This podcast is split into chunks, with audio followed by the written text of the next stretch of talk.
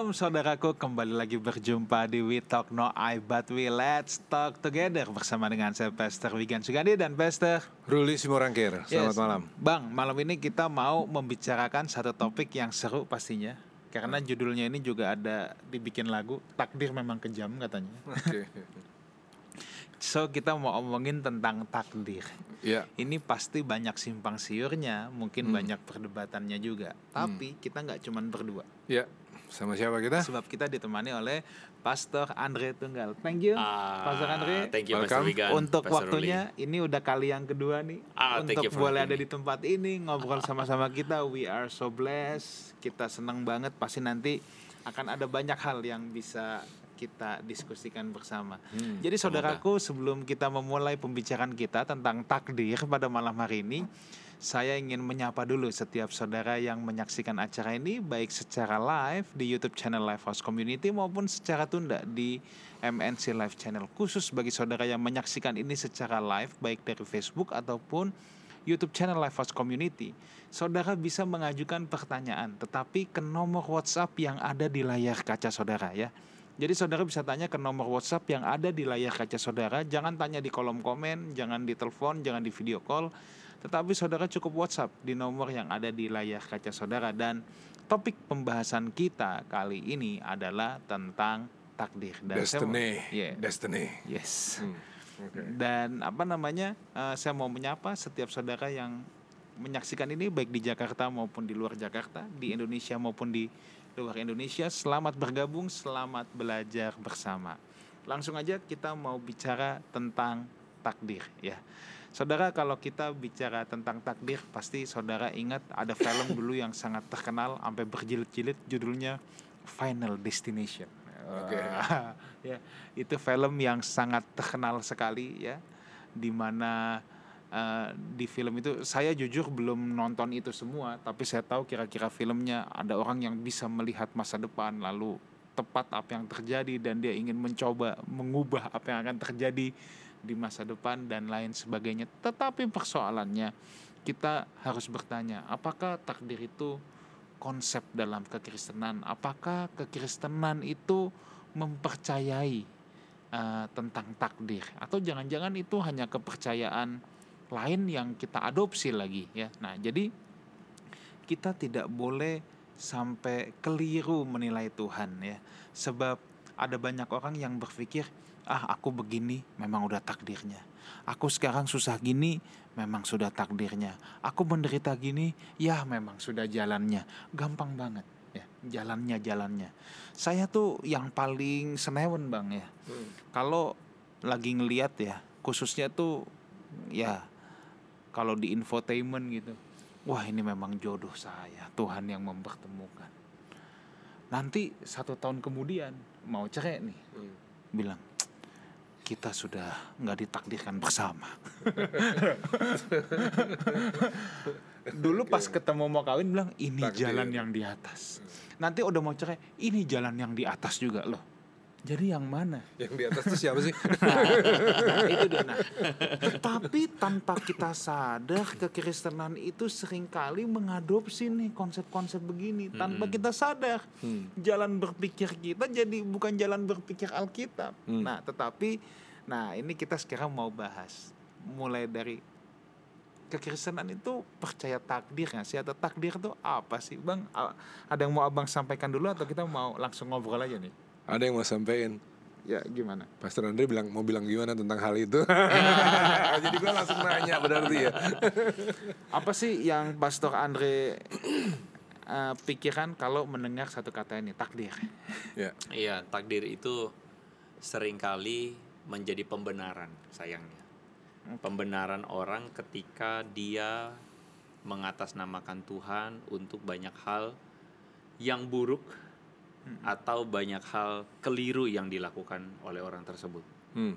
Dan akhirnya yang menjadi tidak menyenangkan buat kita adalah Tuhan itu seakan-akan jadi biang kerok terjadinya Iya. musibah, Malapetaka dan biang semua. kerok terjadinya malapetaka, Iya. bahkan Tuhan itu bersalah karena ada banyak hal buruk terjadi.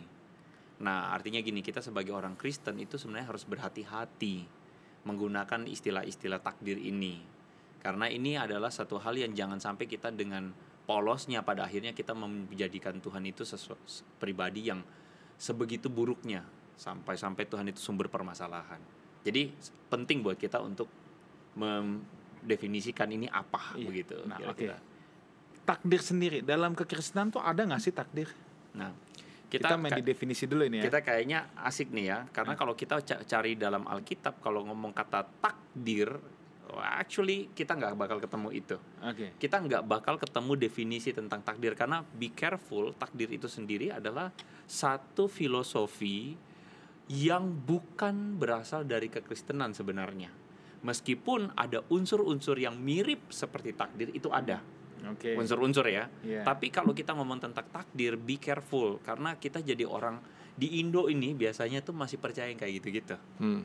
Oke. Oke, saya antisipasi ada sebagian orang tuh yang kemudian pasti bilang loh di Alkitab ada tuh, misalnya Tuhan menetapkan Hmm. langkah-langkah orang Iya. yang berkenan Kepadanya. kepadanya apabila ia jatuh tidak ber- tergeletak Iya. ya kan, dan sebagainya. Akhirnya di situ dikatakan oh ini ayat yang menjadi pembenaran bahwa Tuhan tuh menetapkan langkah orang-orang yang berkenan kepada Tuhan. Nah, pertanyaan saya adalah bisakah kita kemudian coba berpikir secara kritis Tuhan menetapkan apakah berarti Tuhan menetapkan semua hal termasuk ketika Adam dan Hawa jatuh dalam dosa Tuhan tetapkan bukan? Iya. Kan katanya Tuhan menetapkan langkah semua orang. Ya. Itu berarti every movement orang tersebut ditetapkan Tuhan. Ya. Kalau misalnya saat ini saya maaf nih memaki Tuhan, apakah Tuhan menetapkan saya memaki Tuhan? Hmm.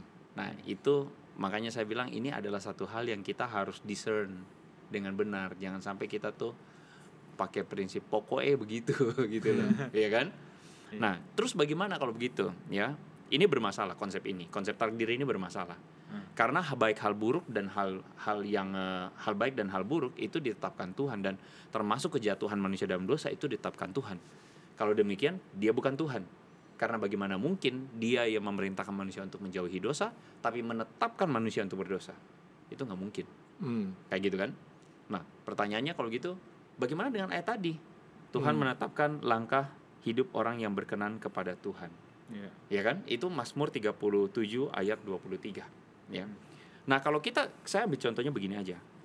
Bagaimana dengan ayat 25? Ayat 25 mengatakan, "Dahulu aku muda, sekarang menjadi tua, tapi tidak pernah kulihat orang benar ditinggalkan atau anak cucunya meminta roti."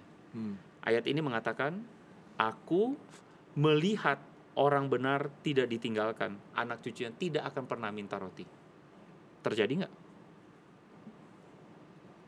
Apakah anak cucu orang benar itu pasti tidak akan minta roti? Apakah orang benar pasti tidak akan bangkrut? Pada faktanya, Justru orang yang mau benar kadang-kadang malah jadi bangkrut. betul. Pada kenyataannya banyak orang Iya. benar, orang baik Iya. dimakan orang kan? Iya. dihabisin orang kan, ditipu orang kan. Iya. Akhirnya anak cucunya apakah pasti tidak minta Loh, roti? orang tadinya belum bertobat kaya raya karena dia penyembahan macam-macam, terus Nah. kenal Tuhan dia tinggalin semua jadi miskin. Betul. Malah Nah, jadi ayat itu adalah ayat yang tidak bisa dijadikan kebenaran mutlak. hmm. Itu genrenya genre Mazmur. Hmm, Genre hmm. Mazmur adalah genre pujian, pujian. puisi, di Hmm. mana genre puisi itu kalau nggak kiasan normatif. Ya. Iya. Normatif itu artinya pada kondisi normal orang yang hidup takut akan Tuhan, hidupnya tidak akan ke kiri ke kanan, Iya. tidak macam-macam, tidak terikat eh, dengan permasalahan, ya kan? Iya. Kondisi normal. Iya. Tapi kan kadang ada force major gitu kan, Iya. Iya. Setiap orang dan sebagainya kita nggak tahu. Nah sama kalau gitu kita berlakukan kepada ayat 23 Tuhan menetapkan langkah-langkah orang berkenan kepadanya. Ini puisi. Iya. Ini tidak bisa dijadikan kebenaran mutlak bahwa Tuhan itu menetapkan langkah kita satu dua ke kiri ke kanan nggak bisa. Iya. Karena apa? Karena sang pemazmur memaknai bahwa hidupku ini dipimpin Tuhan. Iya. Salah nggak ketika dia bilang aku tuh langkahku dipimpin Tuhan. Iya. Jadi semua kebaikan kebaikan terjadi dalam hidupku itu karena dipimpin Tuhan. Salah nggak? Nggak salah. Ya, dalam bentuk puisi kan. Dalam bentuk puisi. Puisi kan. Dalam bentuk devosi pribadi. Iya. Aku kemarin apa? Aku jatuh dari motor, Iya. misalnya ya. Iya. Tapi ternyata di situ ada mobil melaju. Iya. Aku diselamatkan Tuhan. Tuhan menetapkan langkahku. Itu adalah Good. sesuatu yang sifatnya normatif Iya, kan? iya. Jadi gini, dia memaknainya bahwa Tuhan menetapkan langkahnya. Iya. Tapi ini tidak bisa dimaknai sebagai kebenaran sifatnya mengikat pada sit- semua situasi. Hmm. Nih jadi saya mau mau garis bawain dulu ya Pastor Andre. Berarti kalau begitu waktu kita bicara tentang Mazmur harus ngerti genre-nya. Betul banget. Genre itu apa sih? Genre itu bentuk tulisan ya. Jadi bentuk tulisan ini sastranya apakah narasi, Hmm. apakah sastranya ini adalah eh, apa puisi, Hmm. sastranya apakah ini adalah prophecy, Iya. nubuatan, sastranya ini apakah ini adalah surat, Iya. exhortation, itu itu kita mesti baca Alkitab tuh mesti mampu bedain. Ya, Mazmur jangan lupa. Mazmur itu adalah Puisi. pujian. Puji, Jadi pujian, puisi puisi. pujian ya. Jadi dia dia ini adalah suatu karya seni eh, dalam bentuk musik ataupun pujian yang nggak bisa begitu aja diambil melek-melek gitu. Artinya gini, waktu kita mau nikmatin misalnya genre kalau saya bikin jadi lebih sederhana ya, jazz, genre musik jazz. Terus tepuk tangannya tepuk tangan dangdut. Nggak cocok bro Jadi ngawur itu. nggak cocok gitu. Nah jadi Mazmur itu harus kita lihat genre-nya, oke, gitu ya. Nah di sini genre-nya kita mesti Iya. lihat. Oke, lanjut. Sehingga tadi eh, ketika kita menetapkan teologi takdir berdasarkan ayat tadi itu tidak tepat. Hmm, Oke. oke. Nah, jadi akhirnya oke, sekarang saya barusan menunjukkan kepada saudara-saudara bahwa ayat-ayat itu bukan ayat pendukung untuk konsep takdir, Iya. bukan. Tetapi ayat itu punya sebuah kebenaran bahwa ada Tuhan yang memimpin langkah kita. Iya. Itu poinnya. Iya. Nah, cuman sekarang pertanyaannya, apakah Tuhan memimpin langkah kita secara mutlak? Itu pertanyaannya. Ya, Mutlak itu dalam arti begini, semua tindak tanduk kita itu Tuhan yang atur. Hmm. ya, Nah, kalau semua tindak tanduk kita Tuhan yang atur, apa bedanya kita sama robot? Yes. ya, Saya yakin saudara-saudara pasti juga men- menerima sebuah konsep namanya free will, Iya. ada kehendak bebas. Iya. Jadi, dari situ saja kita sudah bisa tahu bahwa Tuhan tuh tidak mengatur semuanya. Semuanya ada dalam otoritas Tuhan. Iya, tapi Tuhan mengatur semuanya tidak. Makanya biasanya kalau di sini saya bedain tuh antara dua istilah. Kehendak Tuhan dan ketetapan Tuhan biasanya. hmm, Supaya membantu kita untuk paham nih ya. Karena begini, pertanyaannya kehendak Tuhan itu pasti terjadi nggak? Itu pertanyaannya. hmm. Banyak orang tuh akhirnya menganggap kehendak Tuhan pasti, pasti terjadi. terjadi. Hmm, Nah, coba pikir lagi sekali lagi. hmm, Misalnya nih contoh, Tuhan menghendaki umatnya hidup saling mengasihi. hmm. Setuju dong? Hmm. Iya. Kita semua setuju. Tapi apakah Ter- umat Tuhan Terjadi. terjadi saling mengasihi terus? Hmm, Tidak loh. hmm. Tuhan menghendaki kita jujur. Tapi apakah pada kenyataannya kita pasti jujur terus? Tidak juga dong. Hmm, Jadi kehendak Tuhan itu tidak pasti terjadi. hmm. Karena Tuhan tidak pernah memaksakan kehendaknya kepada kita. Bahkan ketika kita berdoa pun, jadilah kehendakmu di bumi di Surga. sorga. Artinya apa? Kita meminta kehendak Tuhan terjadi, tetapi berarti kenyataannya belum terjadi. Hmm, Iya kan? hmm. Jadi kehendak Tuhan itu sesuatu yang belum pasti terjadi. Sehingga dalam arti nah sekarang baru kita ngomong kepada permasalahan ininya. Hal buruk yang terjadi dalam hidup kita, apakah itu kehendak Tuhan? Hmm, Nah, itu pertanyaannya. hmm. Banyak orang yang langsung kemudian mengatakan, "Oh, ini udah kehendak Tuhan, kehendak Tuhan." Kebablasan. Oke, tapi kalau kehendak Tuhan belum pasti terjadi, berarti Tuhan nggak maha hebat dong. Nah, contoh nih misalnya, Hmm, kalau misalnya saya hmm, adalah seorang arsitek yang hebat, hmm. Iya. akankah saya menciptakan rumah dengan plafon setinggi 1 cm? Nggak mungkin. Kok nggak mungkin? Saya Satu arsitek senti plafon, plafon tuh yang di atasnya atau Yes, yang di bawah? plafon satu senti. Oke, di gini lah. atasnya sana. Nggak satu Oke. senti, satu meter. Oke. Kalau saya arsitek hebat, Hmm. hebat nih, Ya. saya akan ciptakan rumah dengan plafon satu meter nggak? Saya Nggak. bikin rumah dengan plafon satu meter. Tidak. Kenapa tidak? Kependekan. Bukankah Iya. saya maha hebat? Bukankah saya arsitek yang mampu melakukannya? Oke. Oke. Jadi jawabannya adalah Oke, jadi kalau ya, jadi jawabannya adalah ya kalau itu yang dikehendaki sama dia ya, terus mau diapain? saya jawabannya adalah saya tidak mungkin menyangkali natur saya sebagai arsitek yang maha hebat karena arsitek maha hebat tidak akan pernah bikin rumah plafon satu meter. Iya. Tuhan maha kuasa itu tidak berarti bahwa dia harus mengatur semuanya. Oke. Ke Tuhan maha kuasa itu artinya semua ada dalam kendali tapi bukan berarti dia harus mengatur semuanya. Oke, tapi di sini kan kita Contoh. bicara tentang kehendak. Ketika dia menghendaki, belum tentu terjadi. Atau ketika dia menghendaki, ternyata tidak terjadi. Saya kasih contoh aja Iya, langsung iya, ya. iya. Misalnya Pastor Wigan Iya. adalah seorang pengusaha. Pastor Wigan punya karyawan di kantor. Hmm, Apakah kehebatan Pastor Wigan itu kelihatan ketika dia atur semua karyawannya? Ayo jam segini bangun. Dalam hitungan satu, dua, tiga bangun semua. Ya. Jalan berbaris. Apakah itu menunjukkan kehebatan dia? Atau kehebatan Pastor Wigan adalah ketika karyawannya bisa gimana-gimana, tapi dia bisa atasin. Chaos, tapi dia bisa atasin sampai jadi benar. hmm. Mana yang disebut kehebatan? Yang dibiarin chaos tapi dia bisa perbaiki dong. Bukan dibiarin chaos, tapi Iya, tapi bisa Pastor diperbaiki Wigan sama dia. memberikan kebebasan bagi Oke. karyawan-karyawannya untuk begini dan Iya. begitu, tapi at the end dia bisa kendalikan. Oke, Itu bagi saya maha kuasa. oke, good. Oke, Oke, jadi terus habis itu ini- kalau di dalam di dalam cerita itu, tadi kan Pastor Andre kan ngomong tentang begini.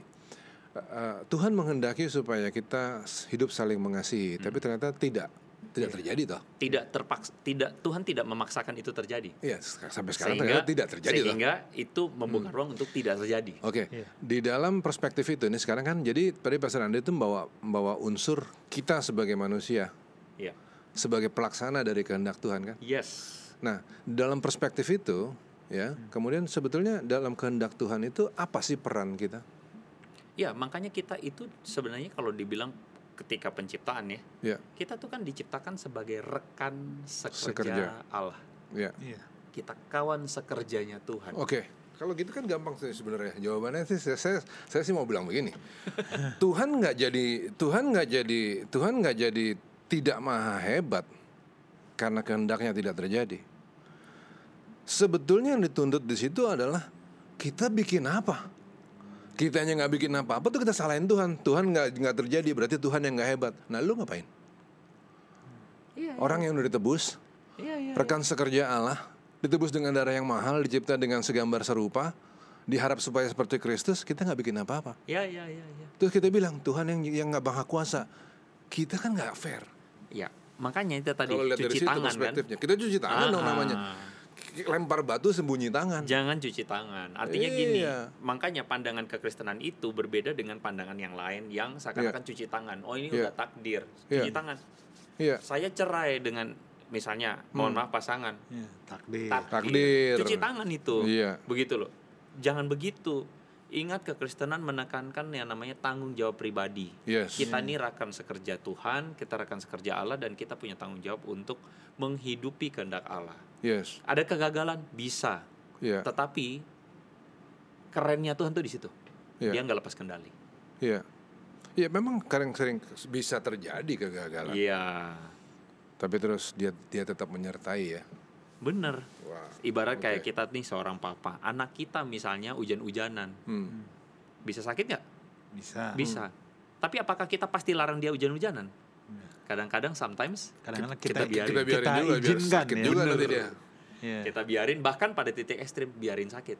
Hmm. Tapi kita tahu itu tidak akan fatal buat kamu. We skip lindungi dia. Hmm. Itu Tuhan. Hmm. Makanya kalau kita pikir ini ya kayak maksudnya Tuhan tuh luar biasa. Dia bekerja dalam kegagalan-kegagalan kita. Iya kan? Hmm. Nah, makanya makanya bedanya antara Tuhan dan dan dan dan dan dan uh, konsep kekristenan dan konsep di luar kekristenan adalah manusia cuci tangan. Tapi dalam kekristenan kita jadi menghargai Iya. anugerah Tuhan itu, menghargai ininya Tuhan Iya. tuh, otoritasnya Tuhan dan mandat yang dia kasih. Supaya Iya. apa? Supaya kita bertanggung jawab. Pastor Andre ini malam ini bikin statement-statement yang rada-rada unik loh. Pertama tadi statementnya adalah nggak percaya takdir. Wah, itu kan bisa bikin banyak orang marah. Gimana sih nggak nggak percaya takdir? Tapi Pastor Andre bilang nggak percaya takdir. Dan ternyata ada ada anak sayap apa ya sa- sayap kalimatnya yang lebih keren. Tidak percaya takdir karena ketika kita tidak mempercayai takdir, kemudian kita memaksa diri kita untuk bertanggung jawab di hadapan Tuhan. Anak kalimat yang keren banget. Jadi jangan berdebat soal ada takdir atau nggak ada takdir. Di anak kalimatnya itu loh. Ketika kita tidak percaya ada takdir, maka kita hidup bertanggung jawab untuk Tuhan. Wish. Iya. ngeri Orang kalau udah ngomong takdir biasanya lepas tangan toh. Iya. Semua Tuhan, bola dilempar ke takdirnya Tuhan. gitu kan. Gitu. Tapi kadang-kadang orang nggak konsisten gitu. Iya. Ya tapi harus bekerja juga. Lu gimana sih? Kalau semua udah ditentukan Tuhan gak usah bekerja. Ya sudah ditentukan kan gitu. Iya. Ya itu inkonsistensi logikanya kayak gitu. Iya. Nah makanya kan anak-anak muda kita sebenarnya sebenarnya membutuhkan tatanan logisnya, rasionalitasnya. Iya. Dan inilah yang menjadi satu jawaban yang sebenarnya akan kembali membuat kita tuh ngerti iya ya. Kita tuh diminta jadi rekan sekerjanya Tuhan. Untuk apa? Untuk mewujudkan kehendaknya Tuhan. Iya. Jadi kalau misalnya deh kita ambil contoh praktis nih, kalau orang bertanya jodoh, kan ada yang bilang dipertemukan, Hmm. itu bagian dari ketetapan atau tidak? Pertama saya mau kritisin dulu Nah, jodoh. Buat saya jodoh tuh nggak ada. Buat saya jodoh tuh nggak ada. Sorry ya, mohon maaf saudara. Kita terbiasa memik- percaya bahwa jodoh tuh ada. Artinya gini, ada seorang yang dijodohkan Tuhan sama kita. Gini dulu, ini permasalahan berat. Kenapa ini permasalahan berat? Contoh, si A hmm, nikah sama si B. Jodohnya si A adalah Si B. si B. Itu kan kebanyakan orang-orang ngomongnya begitu. Iya. Terus Oke. si A sama si B cerai. iya. Hmm. Cerai. Iya. Itu jodoh bukan? iya. Ya berarti kalau sampai cerai kan Nggak jadi jodoh. Si B nikah sama C. Iya. Jodohnya si B siapa? A atau C? Ya kalau kawin A nikah sama B. B Heeh, sama B cerai. cerai. B nikah sama C. Jodohnya si B siapa? C C. berubah dong. Terus Terus ini A Bi- bingung jadi, jadi, bingung jadi, jadi apa tuh si A? Jadi ya? kacau nggak? Jadi dengan demikian sebenarnya ada orang yang kemudian salah maaf nih ya salah jodoh nikah terus kemudian eh cerai terus lo ini jodohnya jadi siapa gini? Coba lihat. Artinya gini, ini adalah satu hal mitos yang kita percayai. Jodoh setiap orang lahir berpasang-pasangan. Itu prinsip itu itu Greka. Itu mitologi Yunani. Oke. Itu bukan konsep Kristen. Tapi kan kita si Adam di, di- diciptakan Hawa untuk Adam. Ya, Adam ada berapa populasi di dunia, Hawa ada berapa populasi di dunia. Oke. Itu Oke. adalah normatif. Jadi- Adam dan Hawa diciptakan satu dan satu. Itu sepakat kita monogami kan? Iya. Tapi itu normatif, jangan dijadikan sebuah alasan bahwa oh Adam mesti punya Hawa. Terus kita tarik diri kita seolah-olah kita Adam karena kita laki gitu kan ya. Eh, Itu kan kamulah yang- Hawaku gitu kan. Ah, ya kan. Nah, jadi buat saya jodoh itu sebenarnya tidak ada. Tapi, tapi saudara-saudara kalau mau tidak setuju kepada dengan saya nggak apa-apa. Oke. Ya saya nggak akan maksa. Tapi bagi saya saya punya dasar mengatakan itu tadi, Oke. ya kan? Jodoh saya percaya tidak ada, tetapi saya percaya Tuhan mempertemukan. Oke. Oke. Tapi pilihan kita, kita itu mau atau enggak, nggak mau ya nggak apa-apa. Tuhan juga bukan biro jodoh yang Hmm. mengharuskan kita menikah dengan si A, si B atau si C. Oke. Kalau terjadi perceraian Tuhan yang salah. Oke. Itu kan keberatannya sangat valid kan? Oke, nah sekarang ketika misalnya kita ambil sikap bahwa oke kita percayalah Pastor Andre, nggak ada jodoh. Tuhan mempertemukan kita dan pilihan kita. Kemudian implikasinya apa dalam hidup kita dengan percaya itu? Implikasinya adalah pertama, kita tidak menjadikan sekali lagi Tuhan kambing Sebagai hitam, biang kerok. biang kerok. Hmm. Kalau pernah satu kali saya ketemu dengan seorang ibu yang mengatakan ini sudah takdirnya Tuhan, Pak, saya menikah dengan suami saya yang abuse saya. Hmm. Ini sudah takdir Tuhan. Saya sedih loh dengar itu. Hmm. Artinya apa? Kok Tuhan bersalah membuat ibu ini di abuse, KDRT? Apakah Tuhan salah? Hmm. Keliru. Jadi implikasinya jelas adalah eh, ada banyak kita harus mengakui banyak pernikahan, banyak relasi yang problematik. Hmm. Apakah itu salah Tuhan? Hmm. nggak bisa nggak bisa nggak bisa kita ngomong begitu nah implikasi yang kedua adalah itu justru membuat kita bertanggung jawab dan berhati-hati. Hati-hati dong dalam milih pasangan. Berhati-hati. Karena gini, tentu apalagi kalau dalam konteks gereja ya, kita kan menginginkan jemaat kita tuh baik-baik ya. Hmm. Ya nggak sih? Kita menginginkan keluarganya bertumbuh dengan baik, kita menginginkan keluarganya tuh suami yang mengasihi Tuhan, istri mengasihi Tuhan, orang tua yang mengasihi Tuhan. Tapi pada kenyataannya kita melihat realita banyak yang menikah sembarangan. Hmm. Kita nggak bisa salahin Tuhan di situ. Itu semua full on tanggung jawab kita. Kita yang memilih. Karena itu pilihlah dengan berhati-hati dan berhikmat. Hmm. Jadi jodoh dan takdir itu mirip-mirip ya sebenarnya. Iya, konsep Ya, jodoh juga konsep mirip-mirip. konsep takdir. Iya. Gitu. Iya. Kayak gitu. Iya. Nah, saya percaya Tuhan mempertemukan. Iya. Ketika misalnya Tuhan mempertemukan terus kemudian kitanya nggak mau, ya Tuhan juga nggak Hmm. nggak nggak masalah. Hmm. Saya yakin Tuhan bukan biro jodoh sekali lagi. Hmm. Tuhan tuh ketemuin ketemuin kita. Hmm. Tapi semua kembali kepada pilihan kita. You mau atau enggak? Hmm. Misalnya Tuhan kasih opportunity buat kita Hmm. untuk apa? Eh ini ada opportunity untuk berusaha dengan baik. Tapi ketika pilihan kita berusaha dengan tidak jujur, ini salah lu sendiri. Kalau lu jujur misalnya, lu akan dipercayakan perkara lebih besar. Setiap ada perkara kecil, dipercaya perkara lebih besar. Tuhan tuh kasih opportunity itu kan. Iya. Tuhan kasih opportunity untuk ini dan itu. Tapi kalau kita nggak bertanggung jawab, ya salah kita sendiri. Iya. Kalau di dalam jodoh bagaimana? Yang tadi kan Pastor Andri ngomong tentang eh, berhati-hati dalam me- memilih pasangan segala macam. Ini se- secara singkat aja. Bagaimana sih hati-hati dalam pilih pasangan? Ini ini kita juga udah hati-hati nih, tapi tetap aja kejeblek. Iya, pada akhirnya kan Gimana gini. tuh? Hmm. Dalam sakramen pernikahan, Hmm. sebenarnya sakramen pernikahan tuh apa sih? Hmm. Kedua orang mengikat janji di hadapan Tuhan. Iya. Makna sakramen pernikahan itu adalah kedua orang itu meminta Tuhan memberkati Hmm. pernikahan mereka. Ya. Meminta Tuhan itu menjadi kepala dalam pernikahan ini. Yes. Dulu tuh saya sering pikir bahwa pernikahan itu antara dua orang. Tapi menurut saya sekarang teologi saya berubah nih. Pernikahan itu antara tiga pihak. Suami, istri, dan Kristus. Iya. Oke. Tiga, seperti Trinitas. Iya. Kristus, suami, dan istri. Dan keduanya bersatu bersama dengan Kristus. Siapa yang memimpin? Kristus. Kenapa saya ceritain ini? Pernikahan itu menjadi indah ketika kedua-duanya tunduk pada Kristus. Yes. Apa yang menjadi masalah dalam pernikahan? Eh, berantakan nih kacau. Ya karena salah satu nggak menjadikan Kristus atau salah duanya nggak menjadikan Kristus sebagai pimpinan. Itu berhati-hati. Ya udah berantakan gitu. Berhati-hati itu dalam arti coba lihat kualitasnya. Se- kalau kita ngomong kan jadinya sesi sesi Ya, ya. memilih pasangan nih kan. Ya. Tapi saya cuma bisa bilang satu hal yang paling vital. Punya kerendahan hati nggak untuk mau tunduk pada Kristus. Hmm. Itu penting. Oke. Oke. Jadi hati-hatinya di situ Iya. nanti ya. Yes. Bagaimana kita ngeliat dulu pasangan dulu, jangan keburu lompat ke kawin. Iya. Lihat dulu pasangan kita ini tunduk pada Kristus apa enggak? Sebab pernikahan adalah tentang tiga tiga pihak. Oke. Satu. Oke baik. Nah kita mau balik ke tema lagi nih. Oke.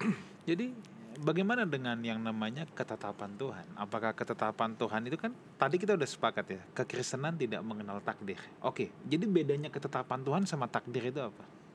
Iya. Karena secara tidak langsung ketika orang umum memaknai takdir itu itu kan seperti ketetapan Tuhan kan. Mm-mm. Nah jadi bedanya tuh apa? Itu yang tadi aku bilang ya. Sebenarnya ada unsur-unsur itu. Karena apa biar bagaimanapun kita percaya bahwa ada Tuhan yang memegang kendali. Tapi definisi kita Tuhan yang memegang kendali sekali lagi bukan Tuhan yang ngaturin semuanya. Sampai kita napas pun Tuhan yang ngaturin. Hmm. Tuhan memegang kendali itu artinya Tuhan yang kemudian set up image-nya Tuhan ke kita. Kita tuh image-nya Tuhan kan. Ya. Iya. Diciptakan dengan kualitasnya Tuhan. Iya. Ada hati nuraninya, ada akal budinya, Iya. ada otaknya nih jalan atau enggak kan gitu kan. Iya. Jadi Tuhan Maha Kuasa dia taruh image-nya kepada kita dan dia biarkan kita memilih dengan benar. Tapi dia mengendalikan situasinya. So, Oke. itu ya. Jadi Iya. unsurnya itu adalah kata jadi itu adalah unsur-unsur bagaimana Tuhan berkuasa. Nah, ketetapan Tuhan itu artinya dalam hal-hal hidup kita itu ada hal-hal yang memang Tuhan tentukan. Hmm. Ada hal-hal yang memang Tuhan tuh set up. Iya. Kalau buat saya. Kalau ditanya ketetapan Tuhan tuh apa kalau begitu? Nah, clear. Bukan semua yang terjadi ketetapan Tuhan, tapi ketetapan Tuhan tuh ada hal-hal yang memang Tuhan udah set seperti misalnya Tuhan Yesus datang ke dunia.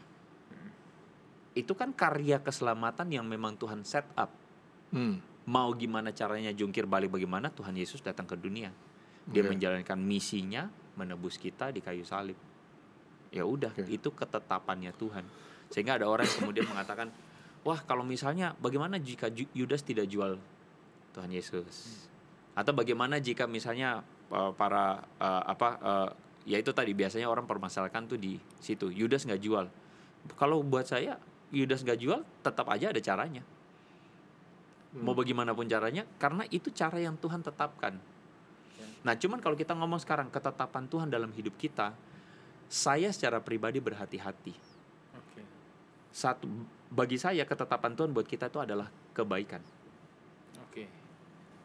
Ayat tadi Mazmur mengatakan Tuhan menetapkan Langkah. langkah-langkah orang yang Berkenan. kepadanya. Apabila ia jatuh, tidaklah tergeletak sebab tangan Tuhan yang meno. Iya. Ketetapan Tuhan itu apa sebenarnya? Tangannya menopang. Tangan Tuhan yang menopang kita. Jadi ada ketetapan Tuhan di mana Tuhan itu sudah set up bahwa yang terjadi dalam hidup kita, Tuhan itu sedang buat itu untuk kebaikan pada akhirnya. Dan itu firman Tuhan udah janji. Allah turut bekerja dalam segala sesuatu untuk mendatangkan kebaikan. kebaikan bagi mereka yang mengasihi kita. Jadi maksud mengasihi Tuhan. Jadi maksudnya adalah bagi saya, saya memahami ketetapan-ketetapan Tuhan itu ada pada kebaikan Tuhan yang Tuhan nyatakan dalam kelemahan-kelemahan kita bahkan Hmm. dalam hal buruk yang terjadi dalam hidup kita bahkan ada kebaikan di akhir. Hmm. Kita menyalahkan Tuhan nggak bisa dong atas segala keburukan-keburukan itu. Bukan berarti Tuhan yang bikin itu keburukan. Hmm. dalam perjalanan ini kita bisa jatuh loh. Hmm. Dalam perjalanan itu kita bisa, misalnya contoh nih, kita bertobat, ada dosa, Hmm. kita belajar bertobat. Jatuh bisa nggak? Bisa jatuh. Salah Tuhan? Oh, enggak. Itu semuanya kembali kepada kita. Hmm.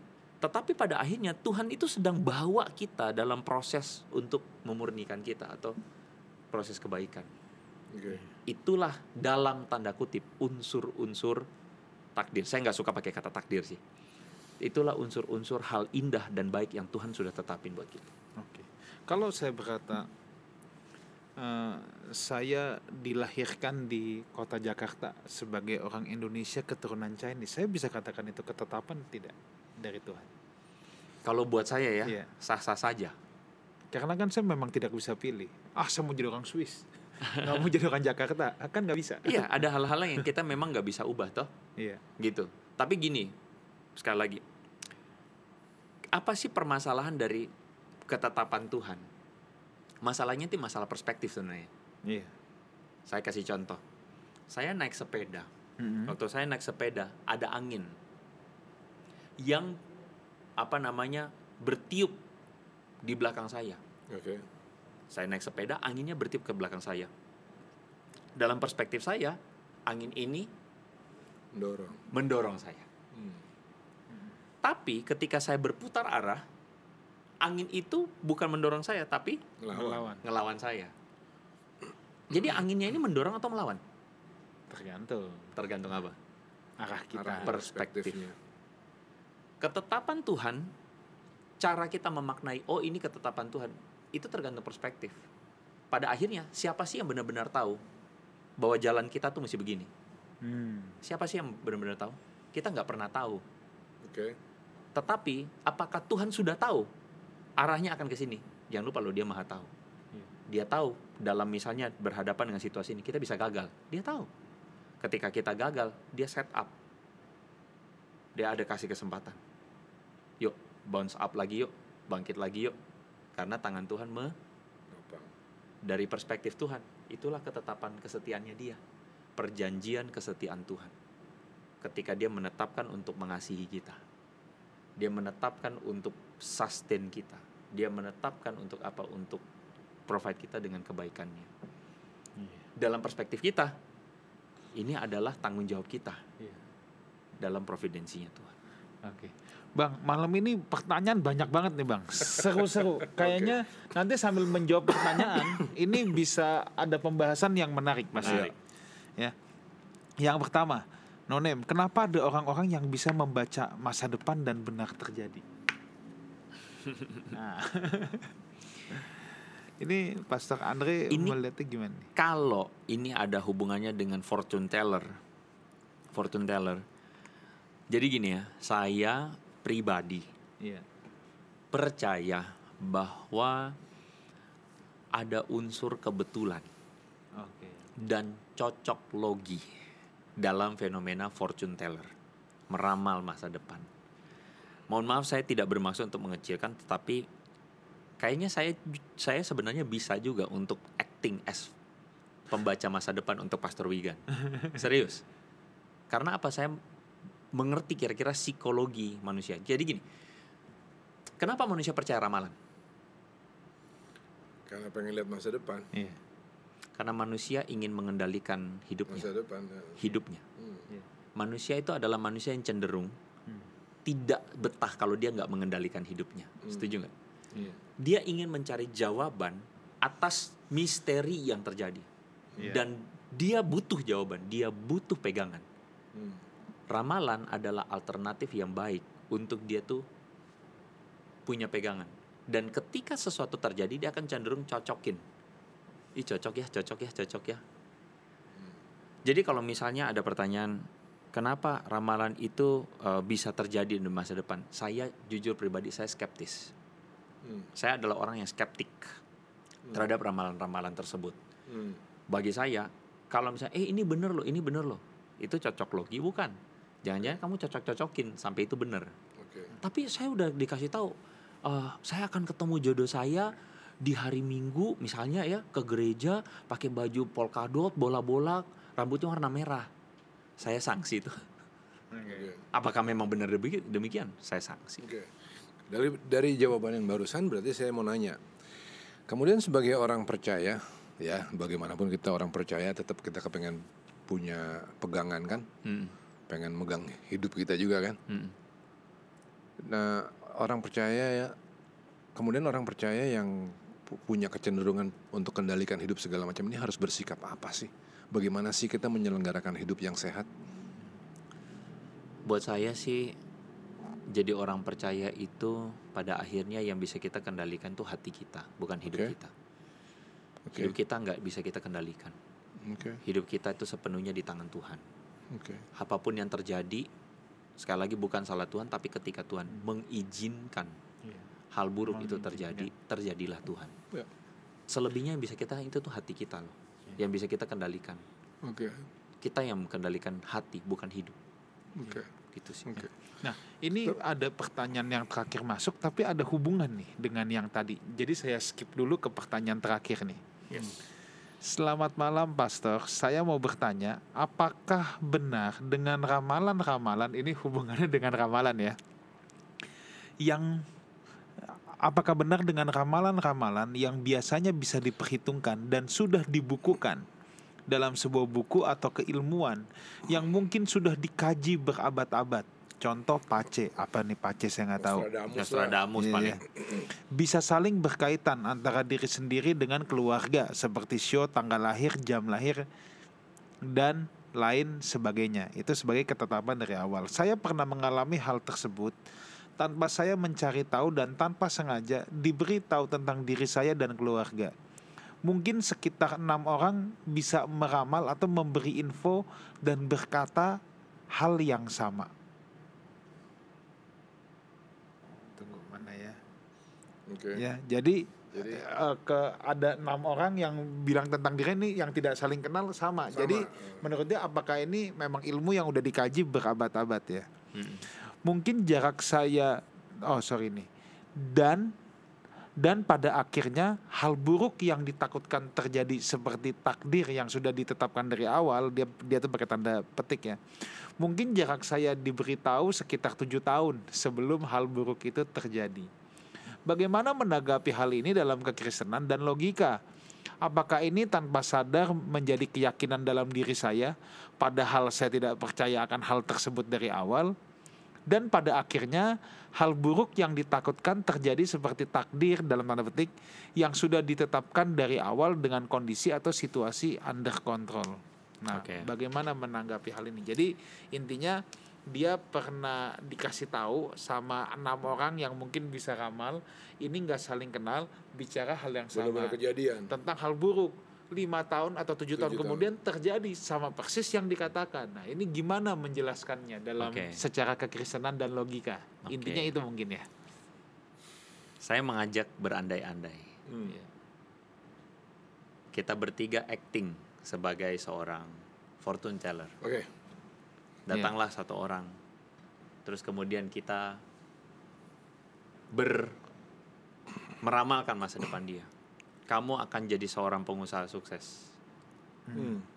Satu orang datang. Orang kedua, kamu akan jadi pengusaha sukses. Orang ketiga, kamu akan jadi pengusaha sukses. Orang keempat, kamu akan jadi pengusaha sukses. Sampai 10 orang kamu akan jadi pengusaha sukses. Saya mau tanya. Dari 10 orang itu berapa orang yang akan jadi pengusaha sukses? Mungkin satu. Mungkin satu. Satu orang itu kemudian bersaksi. Ada tiga orang yang meramalkan saya akan jadi pengusaha sukses. Langsung percaya semua. Langsung percaya. Hmm. Paham maksud saya? Iya. Jadi gini, sekali lagi, bisa jadi itu probabilitas itu selalu ada. Lebih ke hukum. Makanya kan saya ya. bilang, saya Iya. tuh sebenarnya bisa acting as fortune teller. Cuman masalahnya sekarang adalah berapa banyak yang kena. Saya akan ambil yang most probably terjadi misalnya. Tapi jika misalnya ya, sa- saya bukan mau mengecilkan saudara kita yang bertanya ini ya, tapi dia bilang, tapi pak pada kondisi ini lebih lengkap lengkap lengkap lengkap lengkap begini loh. Oke, sekali lagi saya percaya bahwa probabilitas itu pasti bisa terjadi. Kebetulan eh terjadi. Yang kedua, jangan lupakan unsur ini. Iblis itu bapak segala penipu. Iya.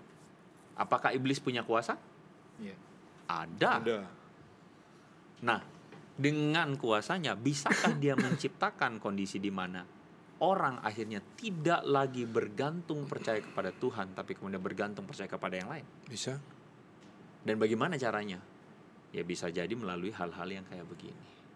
Jadi kita tidak menutup kemungkinan. Kalau saya sih saya tidak menutup kemungkinan bahwa iblis memanipulasi. Iya. Begitu sih. Kalau itu dari perspektif saya. Jadi sebenarnya sih ini masih ada pertanyaan, masih ada kaitannya sama pertanyaan saya sebelumnya tuh. Bagaimana kita sebagai orang percaya harus menyelenggarakan hidup dalam perspektif adanya fenomena-fenomena ajaib begini, kemampuan fortune teller dan lain-lain ya.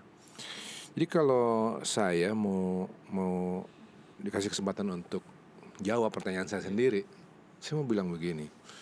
Memang manusia itu cenderung untuk kepengen tahu masa depannya supaya dia bisa mengontrol hidupnya. Tapi orang percaya harus hidup dengan menekan keakuannya. Aku kepengen tahu masa depanku itu keakuan tau. Aku ingin mengatur hidupku itu kan keakuan juga. Nah ketika ada keakuan, aku kepengen tahu masa depan, pengen mengontrol hidupku. Siapa yang main di situ? Iblis bukan. Iblis bilang, kamu akan menjadi seperti Tuhan. Tipuan yang sama lagi kan, ke- ke- tipuan kejadian tiga kan.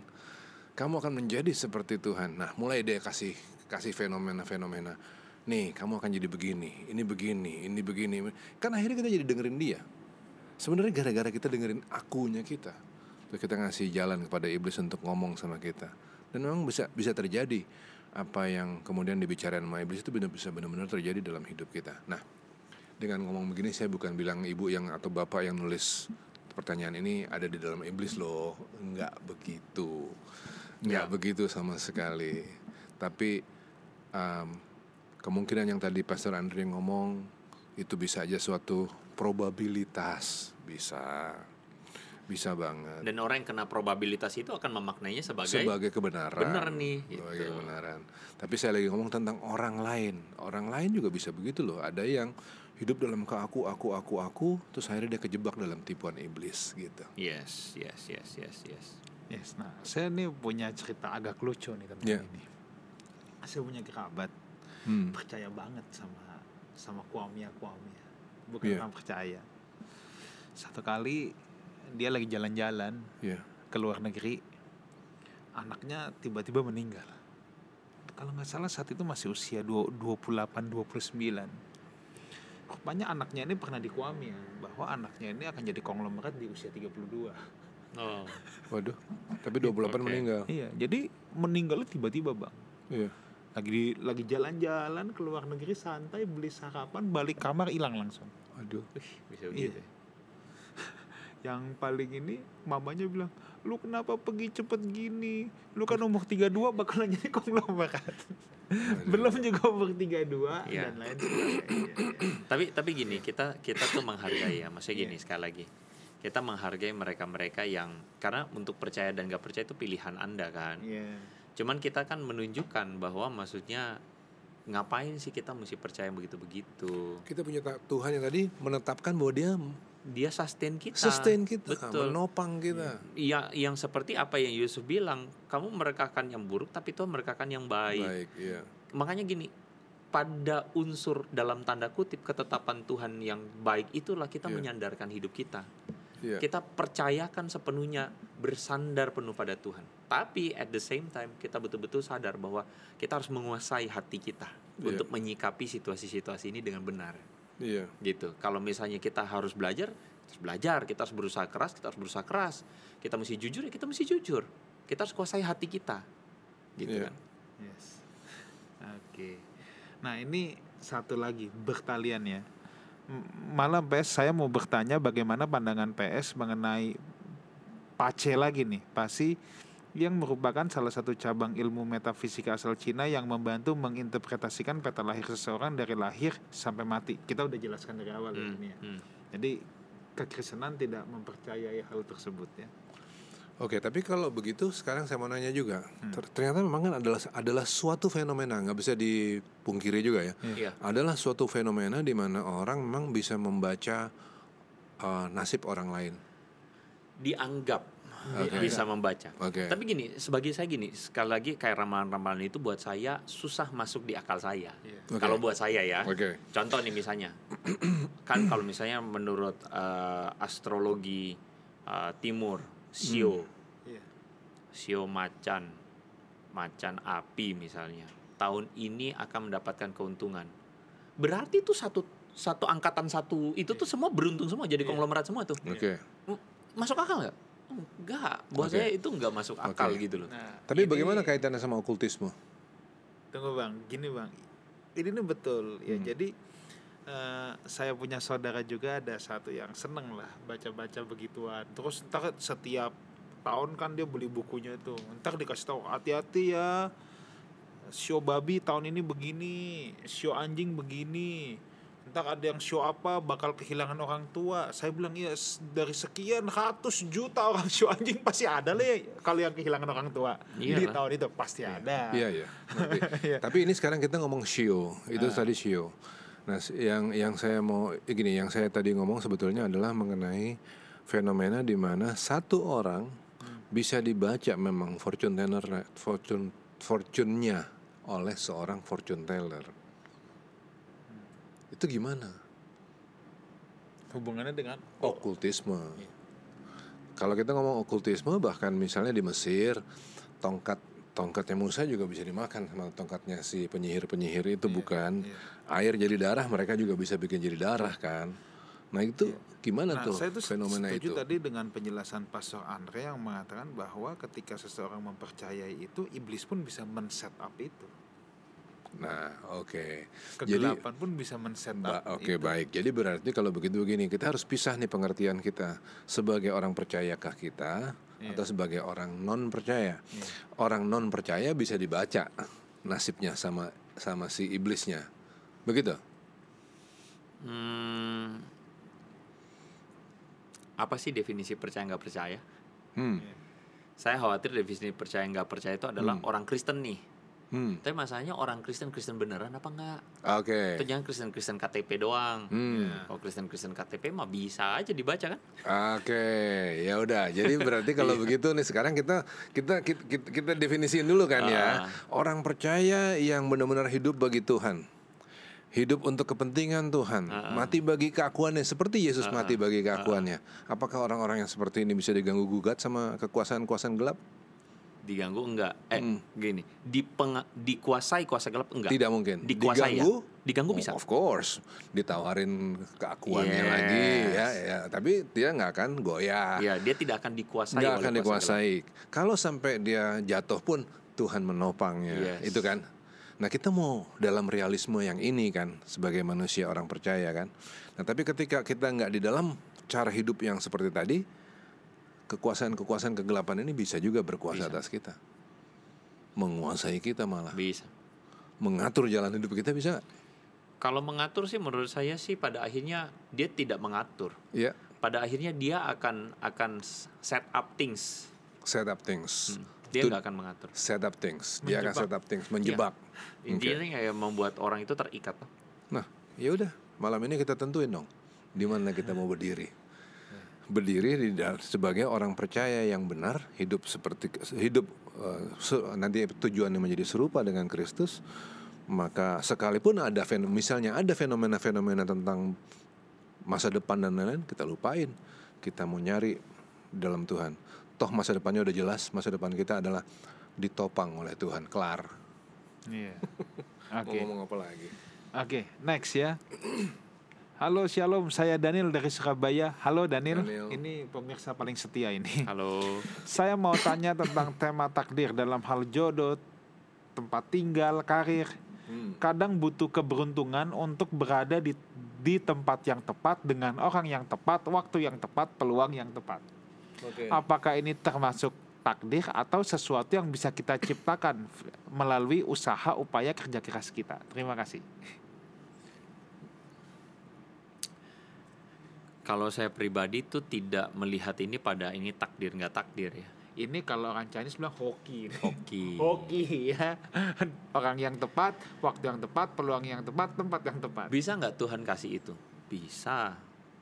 Tapi masalahnya kita, Kita- manusia terbatas dalam tahu itu. Kita aware nggak? Ketika happens baru kita sadar. Kita tuh manusia yang telat sadar. Hmm. Itu itu ciri manusia tuh. Manusia tuh telat sadar, sadarnya belakangan. Soalnya kalau sadarnya duluan itu mah itu namanya perencanaan. Oke. ya kan? Kita tuh sadarnya belakangan. Jadi kalau ditanyakan ini sudah ini takdir Tuhan bukan? Kita tuh sadarnya belakangan. Ketika happens baru kita tahu. Itu Tuhan set up atau tidak. Tapi kalau misalnya dia tanya ini tergantung kerja keras kita nggak? Gini coba perhatikan baik-baik. Contoh jika seorang anak mau dapat nilai bagus di ujian dia bisa set up nggak Bisa dong. bisa Bisa. Hmm.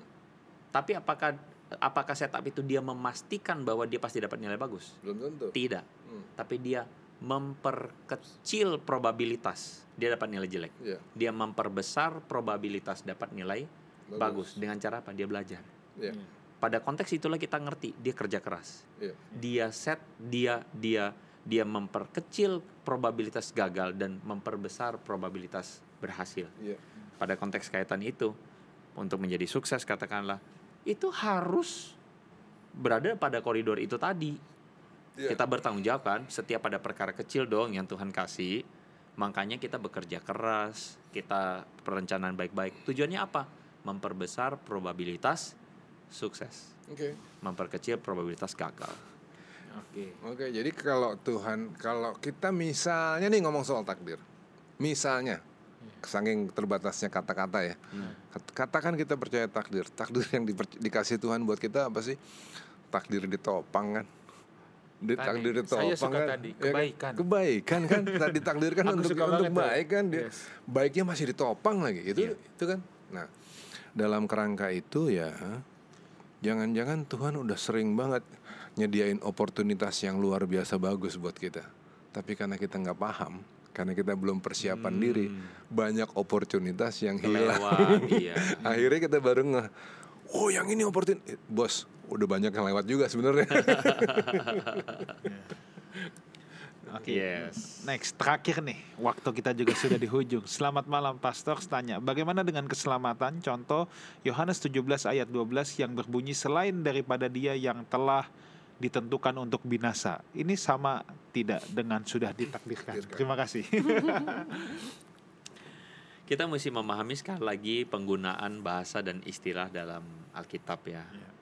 Ketika Alkitab mengatakan ada yang ditentukan untuk binasa itu konteksnya itu lagi bicarain apa Iya. gitu apakah berarti Tuhan menentukan seorang untuk binasa gini kita punya waktu terbatas tapi saya jelasinnya begini kita sebagai pakai ilustrasi tadi kita naik sepeda angin itu dorongin kita atau lawan kita it depends on perspektifnya siapa Ya. apakah perspektifnya ketika mengatakan Tuhan menentukan seorang binasa itu ada perspektifnya Tuhan? I don't think so. Itu adalah perspektifnya manusia yang melihat bahwa ada orang-orang tuh yang memang binasa sejak awal. Bejat sampai mati pun bejat begitu kan? Akhirnya orang-orang tersebut memaknainya bahwa oh orang-orang yang demikian adalah orang-orang yang ditentukan berbinasa. Tapi perspektifnya Tuhan apa? Kebenarannya adalah setiap kita tuh pasti binasa karena kita berdosa, manusia berdosa. Tetapi Tuhan itu memilih untuk menunjukkan kasihnya dan menyelamatkan sebagian orang. Karena pada konteks Yohanes pasal 17 ayat yang ke-12 ya. Kalau kita baca ayat firman Tuhan nih. Yohanes pasal 17 ayat yang ke-12. Mesti buka dulu nih. 17 ayat 12. 17 12. Ya. Konteks ini lagi ngomong tentang apa? Konteks ini Yesus lagi bicara tentang ada orang-orang yang ada orang-orang yang diselamatkan dan ada orang-orang yang pada akhirnya tuh pada pada akhirnya tuh tidak bertobat. Iya. Ada orang-orang yang diselamatkan dan pada akhirnya ada orang yang kemudian tidak kembali kepada Tuhan Iya. itu gaya bahasa loh. Dan gaya bahasa itu adalah gaya bahasa yang kemudian Tuhan Yesus tunjukkan untuk memampukan artinya untuk orang-orang yang pada saat itu mendengar perkataan ini, akhirnya orang itu paham, oh, pada akhirnya orang ini nggak selamat. Oke. Dan orang yang nggak selamat ini dimaknainya apa? Karena semuanya ada dalam kuasanya Tuhan, ya udah orang ini ditentukan untuk binasa. Oke. Jadi ini sekali lagi gaya bahasa. Oke. Ini bukan berbicara tentang ada Tuhan tuh menetapkan orang itu untuk binasa. Karena buat saya Tuhan gak perlu tetapkan kita tuh udah binasa. Kita Oke. itu berdosa, gak usah ditetapkan, ditetapkan Tuhan. Iya. Oke. Kayak gitu. Oke, satu Kalau- lagi terakhir ya. Kalau tentang Ah, pen- pen- tentang keselamatan, Ha-ha. rada beda dikit saya sama Pastor Andre, tapi kan kita biasa beda-beda di dalam acara ini. oke, oke. Tuhan kalau bisa dia kepengen menyelamatkan semua orang. Nggak ada satu orang pun yang ditetapkan untuk binasa. Tapi seperti tadi juga dalam ayat ini di, di, di- dimaksud adalah bahwa nggak semua orang yang mau diselamatin akhirnya terhilang. Saya suka tuh. Gak semua orang Nggak semua orang. yang memang mau meresponi kasih yes. Tuhan. Yes. Yes. Kalau nggak semua orang mau diselamatin tuh, kayak- maksudnya kayaknya dia udah tahu aja kan gitu. Iya. Tapi nggak pada kenyataannya nggak semua Nggak orang mau semua meresponi kasih Tuhan. meresponi. Tapi kalau dari hatinya Tuhan, dia nggak kepengen satu orang pun binasa. Hatinya Tuhan pasti begitu. Oke. Ini terakhir dari Bu Alin. Apakah kelahiran dan kematian adalah ketetapan Tuhan? Kelahiran Tricky dan ya. kematian. Tricky ya. Singkatnya gimana? Kalau untuk saya secara pribadi, ini pribadi ya, kelahiran dan kematian seseorang tak harus Tuhan menetapkan. Hmm. Tak harus loh ya. Kenapa gitu? Karena menurut saya pada akhirnya yang berarti itu kapan mati atau bagaimana hidup Ah, ya. Baga kapan mati? atau ba- bagaimana, Bagaimana hidup. hidup? Hmm. Buat saya yang berarti itu bagaimana hidupnya. Oke. Dan yang Tuhan set up itu bagaimana hidupnya. Bagaimana hidupnya? bukan kapan matinya. Karena buat saya kayaknya nggak terlalu penting bagi Tuhan untuk menetapkan kapan matinya. Hmm. Kalaupun Tuhan mau menetapkan kapan mati ya sudah, gitu loh. Tapi buat saya, saya lebih suka menetapkan bahwa Tuhan set up bagaimana, Bagaimana hidupnya, kita hidup? Bukan kapan lahir kapan matinya. Oke, baik.